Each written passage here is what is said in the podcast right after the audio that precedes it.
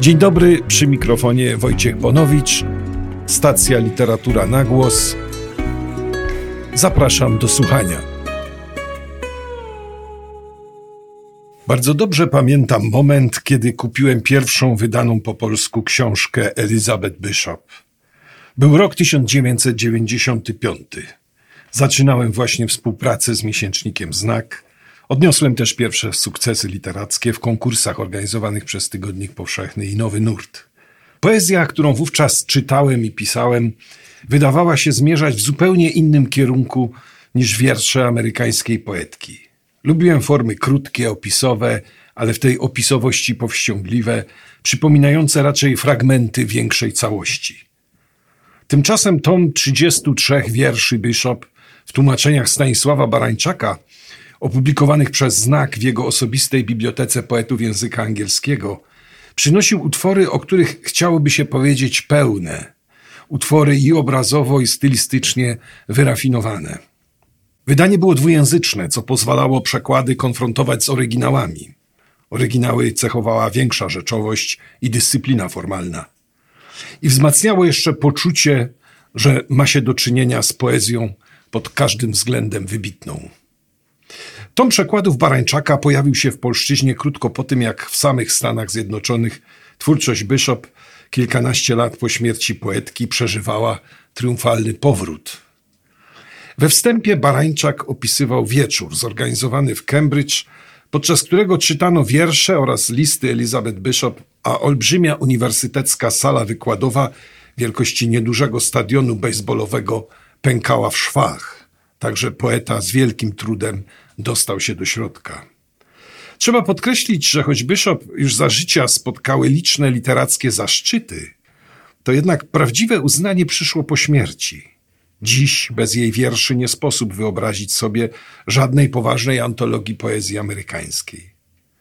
Równocześnie, o czym będzie jeszcze mowa, zajmuje ona na mapie owej poezji miejsce wyraźnie osobne, o trudnych do określenia współrzędnych. Była w poezji perfekcjonistką absolutną, pisał Barańczak, przypominając, że już na początku swojej twórczości postanowiła, to cytat z niej, nie próbować niczego ogłaszać, zanim nie będę przekonana, że osiągnęłam, choćby to miało trwać lata, szczyt tego, na co mnie stać, a w przeciwnym razie nie publikować w ogóle. Koniec cytatu.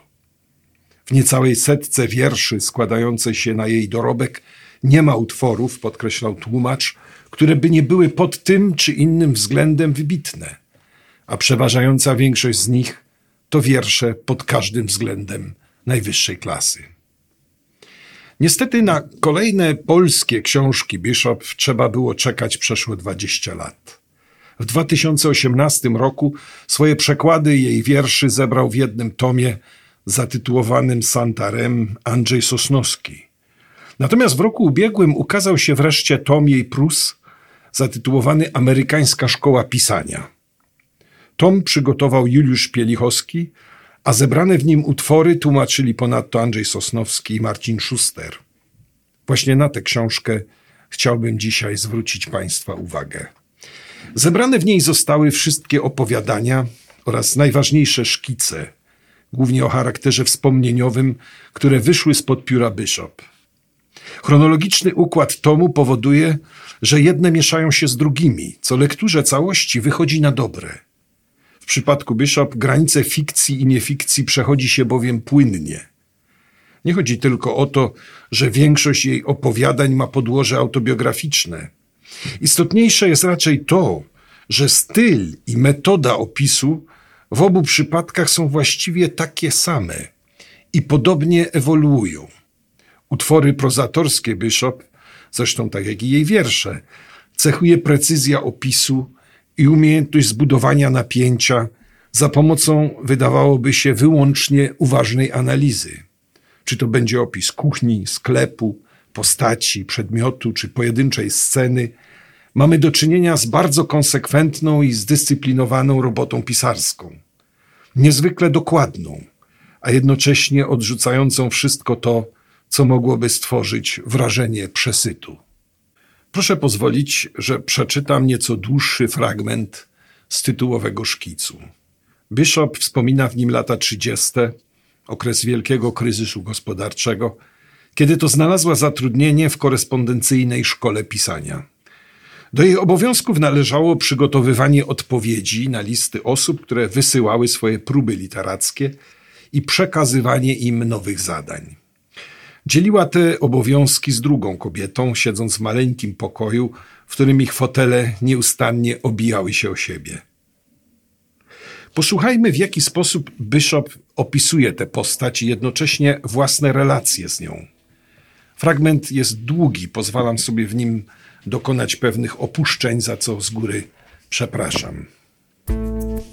Apodyktyczna, podstępna, nieatrakcyjna, dumna ze swej twardości, drażliwa, gruboskórna, a jednak, gdy coś do niej docierało, zdolna do życzliwości i śmiechu Rachel, była dla mnie kimś nowym. Miała rzadką cechę, która nie przestawała budzić mojego zainteresowania. Nigdy nie mówiła o sobie. Zarabiała 25 dolarów tygodniowo. Jej ubrania były znoszone, nawet jak na normy panujące wówczas u Stewarta, a w dodatku brudne. Dowiedziałam się o niej tylko tego, że ma siostrę w stanowym sanatorium dla gruźlików, którą odwiedza raz w miesiącu, ale za którą nie przepada. Pewnie dlatego, że tamta była chora, więc się nie nadawała. Sama Rachel była niezwykle silna i wkrótce zdałam sobie sprawę, że budzi strach, niemal fizyczny strach u wszystkich w tak zwanej szkole, nie wyłączając rektora Blacka. Szybko dotarło do mnie, że to ona jest mózgiem przedsięwzięcia, a później zaczęłam nawet podejrzewać, że przy całej swojej sile i przewrotności może być jego właścicielką, a pana Blacka używać tylko dla kamuflażu. Powinna mnie nienawidzić. Moja uporczywie delikatna uległość i niepewne siebie korektury musiały być trudne do zniesienia. Ale nie sądzę, by mnie nienawidziła. Sądzę, że współczułyśmy sobie nawzajem. Sądzę, że uznawała mnie za jednego z osobników skazanych na zagładę, który cieszy się, póki może, swoją małą egzystencją konika polnego, swoim poczuciem humoru, swoją kulturą i że w jakiejś niezbyt odległej przyszłości, kiedy przyjdzie co do czego, być może gotowa byłaby nawet szepnąć o mnie dobre słowo, gdyby jej przyszła ochota. Biedna Rachel. Często jej nie lubiłam. Przyprawiała mnie o dreszcze, ale jednocześnie lubiłam ją, a w każdym razie coś kazało mi słuchać każdego jej słowa. Jej brak przeszłości, jakiegokolwiek określonego usytuowania, wywierane przez nią wrażenie mocy i czegoś oczekującego na swój czas, nawet jeśli fałszywe czy niemądre, fascynowały mnie. Rozmowa z nią była jak trzymanie negatywu pod światło i zastanawianie się, jak też wyjdą na wywołanym zdjęciu wszystkie jego cienie i przejrzystości. Wybrałem powyższy fragment, dlatego że łatwo dostrzec w nim charakterystyczne cechy stylu Bishop, który wprawdzie zmieniał się w ciągu lat, szkic pochodzi z roku 1966, zachował jednak pewne stałe elementy. Do takich elementów należała śmiałość w nazywaniu, w gromadzeniu i nakładaniu na siebie kolejnych ujęć i przybliżeń, połączona z ich niemal natychmiastową weryfikacją. Chwytem wyraźnie słyszalnym jest paradoks. Powinna mnie nienawidzić, ale nie sądzę, by mnie nienawidziła. Często jej nie lubiłam, a jednocześnie lubiłam ją. Ważną rolę pełni tu także metaforyzacja. Oprócz uważności i precyzji, opisy Bishop cechuje dążność do syntezy. I posłużenie się sugestywną metaforą, jak choćby metafora rozmowy jako negatywu, który dopiero należy odwrócić w głowie i zinterpretować, jest właśnie wyrazem owej dążności. I jeszcze jedna cecha, może w przywołanym fragmencie mniej wyraźna, ale obecna zarówno we wczesnych, jak i późnych prozach Bishop.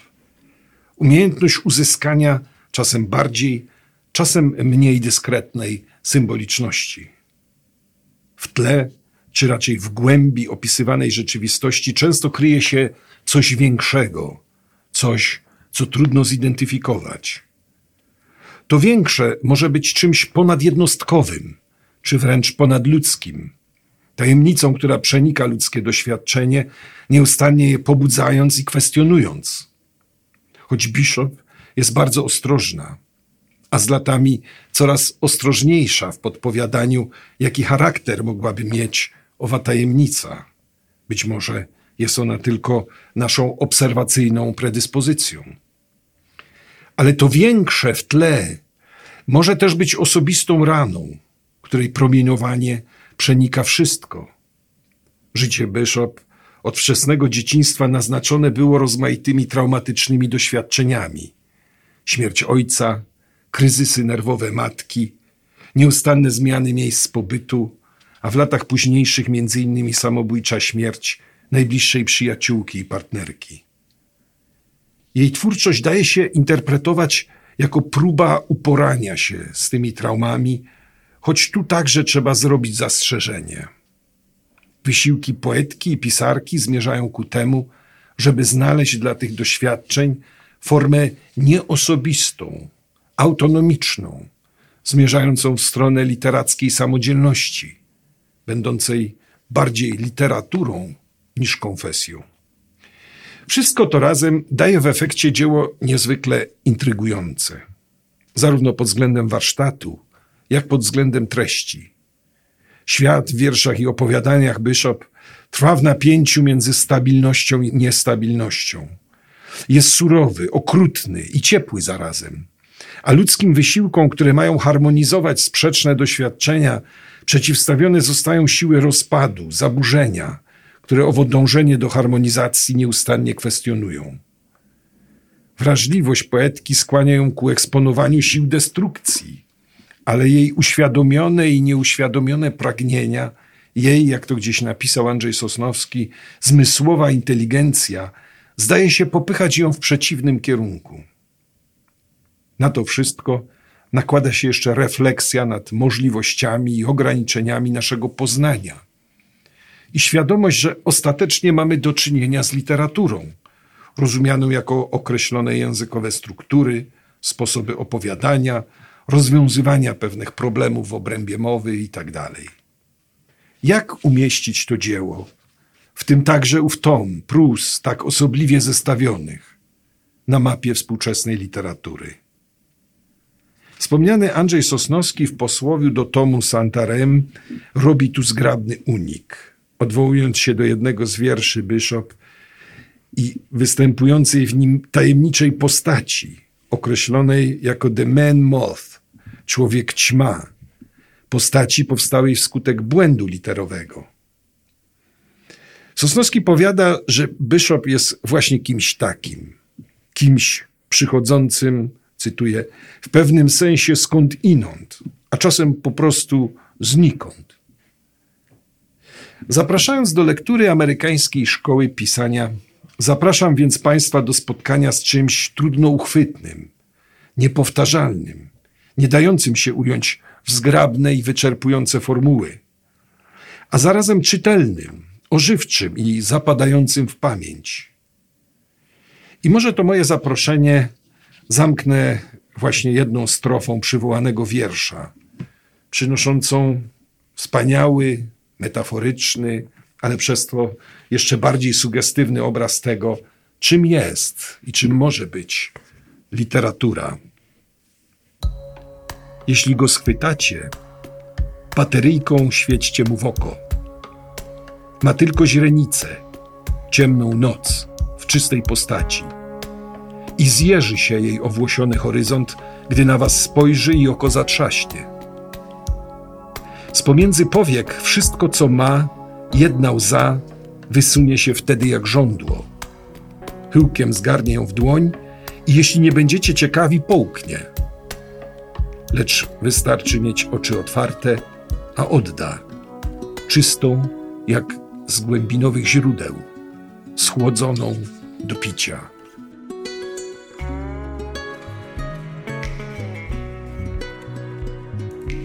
Więcej informacji o literaturze znajdziecie Państwo na stronie internetowej miesięcznika Znak.